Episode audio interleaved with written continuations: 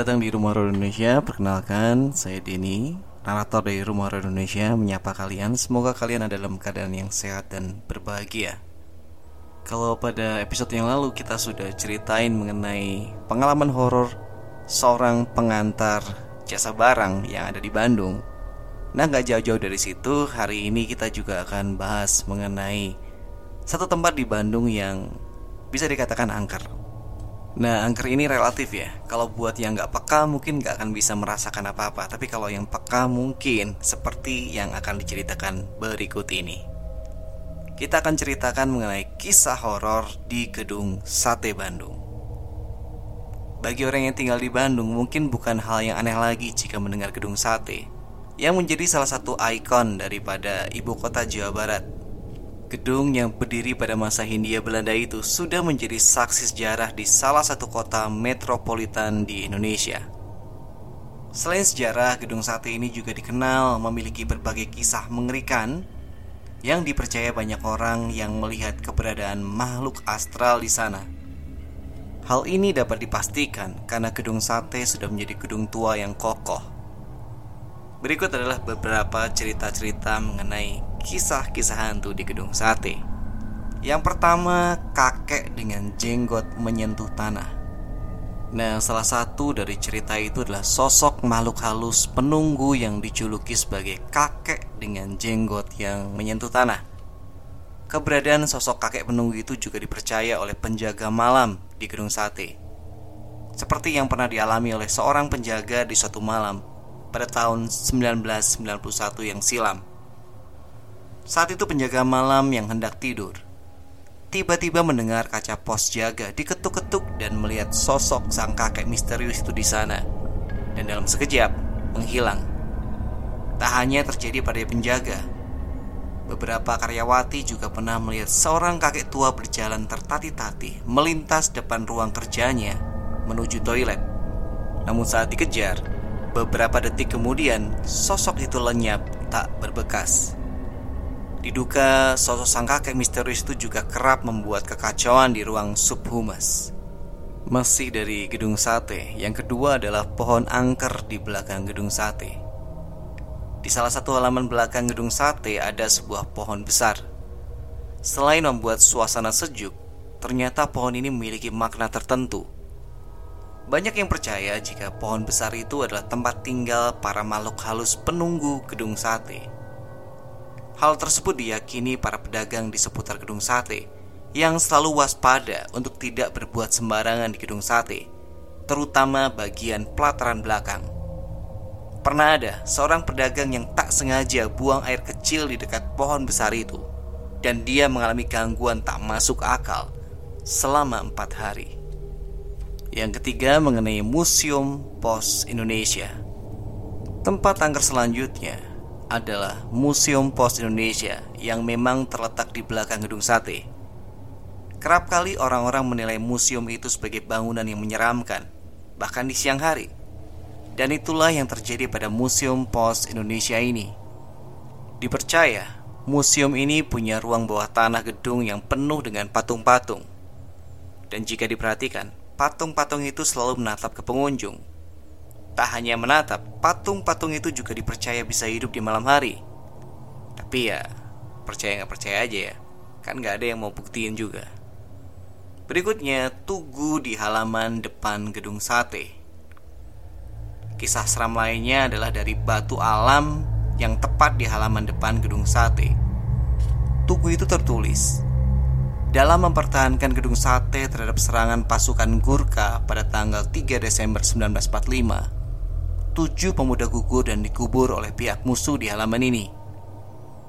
Bulan Agustus 1952 ditemukan jenazah Suhodo Didi Mukhtarudin yang dimakamkan kembali di Taman Makam Pahlawan Cikutra. Jenazah Rena, Subengat, Suryono, dan Susilo tetap berada di sini. Oleh karena itu dipercaya sampai saat ini masih ada jenazah yang terkubur di gedung sate yang membuat beberapa penjaga kerap merasakan kehadiran sosok pemuda berpenampilan kuno berjalan-jalan di area gedung sate saat malam tiba. Kemudian tak lengkap kalau kita belum sebut kuntilanak ya. Jadi kisah kelima dari gedung sate adalah kuntilanak berbaju merah Gedung sate kerap kali sepi dan tak berpenghuni di malam hari. Tak hanya di dalam gedung, area jalan sekitar gedung sate juga kerap membuat bulu kuduk merinding karena menjadi saksi atas kehadiran sosok-sosok makhluk astral seperti yang pernah dialami oleh seorang pemuda yang melintasi jalanan gedung sate di malam hari. Saat itu, pemuda yang naik sepeda motor sendiri melintasi jalanan sekitar gedung sate dini hari. Dia merasakan boncengan motornya berat dan dia baru menyadari adanya sosok kuntilanak berbaju merah ikut dengannya dengan penampilan mengerikan. Yang konon dipercaya itu adalah korban tabrak lari di sana. Yang keenam, teror hantu Neng City. Selain kuntilanak berbaju merah, ternyata ada sebuah kisah yang dialami seorang wanita yang harus melintasi area belakang gedung sate dengan mobilnya. Malam itu kondisi sangat sepi, dan tiba-tiba wanita itu dikejutkan oleh seekor binatang yang melintasi jalan dan hampir dia tabrak. Meskipun sudah dikelakson, hewan tersebut tak kunjung lari dan hanya diam saja. Dan wanita yang kesal itu keluar dari mobilnya untuk mengusir hewan tersebut. Betapa terkejutnya saat tiba-tiba hewan mirip angsa itu langsung berubah menjadi wanita menyeramkan yang diyakini warga sekitar bernama Neng Siti. Dikisahkan Neng Siti adalah pembantu orang Belanda yang ditinggal kekasihnya dan akhirnya memutuskan gantung diri di rumah area belakang gedung sate dan kerap menghantui siapa saja yang melintasi jalan belakang gedung sate. Yang ketujuh adalah lorong rahasia. Banyak warga yang percaya bahwa ada lorong bawah tanah di gedung sate yang berhubungan dengan gedung Pakuan yang menjadi rumah dinas Gubernur Jawa Barat. Konon, lorong misterius itu sengaja dibangun di masa penjajahan Belanda. Apalagi ada salah satu ruang di lantai dasar gedung sate yang tak pernah dibuka, yang semakin membuat orang penasaran. Meski begitu, pihak gedung sate selalu membantah kabar lorong misterius itu. Usut penyausut lorong itu ditutup selama-lamanya karena kisah mengerikan soal tawanan perang yang tewas dan membusuk di sana yang semakin membuat suasana menjadi angker. Yang terakhir yang kedelapan adalah pasukan kerajaan jin. Dipercaya bahwa ada pasukan kerajaan jin di area belakang gedung sate. Jika di malam hari yang dingin tiba-tiba di area belakang gedung sate muncul kabut tebal misterius yang dipercaya itu adalah pasukan kerajaan jin. Nah, sobat RAI semuanya, ini semua itu mitos ya. Jadi tidak bisa dibuktikan secara ilmiah. Silahkan percaya nggak percaya. Kalaupun nggak percaya ya anggap aja sebagai hiburan. Nah, kisah berikutnya bicara mengenai salah satu kuliner yang sangat digemari orang Indonesia. Apalagi kalau bukan bakso. Cerita kita kali ini adalah penglaris bakso bisa melihat dan merasakan kehadiran sosok makhluk tak kasat mata ini memang sering kali dialami oleh beberapa orang. Bukan karena mereka berhalusinasi tinggi, tetapi kehadiran hantu memang sering muncul di tengah-tengah kondisi yang tanpa kita sadari hantu itu akan muncul. Peristiwa melihat hantu ini salah satunya dialami oleh seorang cewek bernama Vika yang secara tidak sengaja melihat hantu ketika dirinya makan di sebuah warung bakso di Solo. Nah ini disclaimer dulu ya. Tidak semua pedagang bakso itu pakai pesugihan atau penglarisan gitu ya. Dan memang bakso-bakso terutama kalau yang dari Solo gitu emang enak-enak ya. Jadi pokoknya jangan lupa sebelum makan berdoa dulu. Oke kita lanjut ceritanya Vika yang masih berusia 15 tahun itu begitu ketakutan ketika dirinya tidak sengaja melihat hantu yang menyerupai nenek tua dengan mata melotot Vika yang pada saat itu makan bakso bersama keluarganya pun langsung buru-buru mengajak keluarganya untuk cepat pergi dari warung bakso tersebut. Vika mengaku jika sosok hantu nenek tua yang dilihatnya itu menggunakan baju berjubah putih dengan rambut berantakan. Wajahnya pucat dan terlihat sedang membantu pekerjaan tukang masak di dapur bakso itu. Awalnya nenek itu Vika lihat ketika dirinya hendak menuju ke toilet di rumah makan bakso tersebut.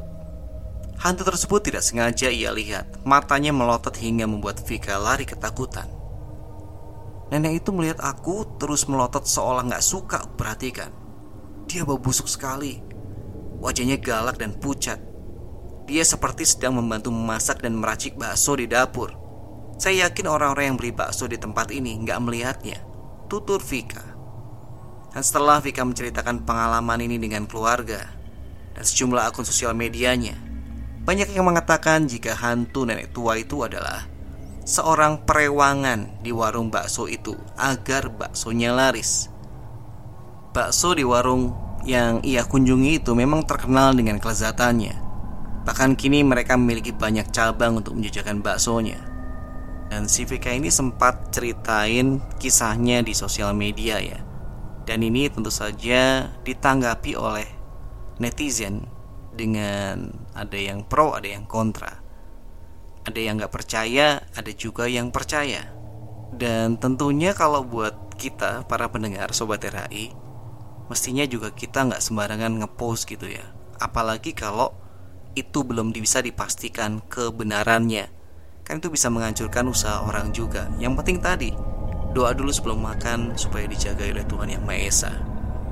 Tapi dari komentar yang pro kontra tadi ada juga yang percaya. Bahkan nulis komentar kayak gini percaya di kampungku juga sama. Penjual baksonya rame banget. Dan dalam waktu singkat sudah bisa buka cabang.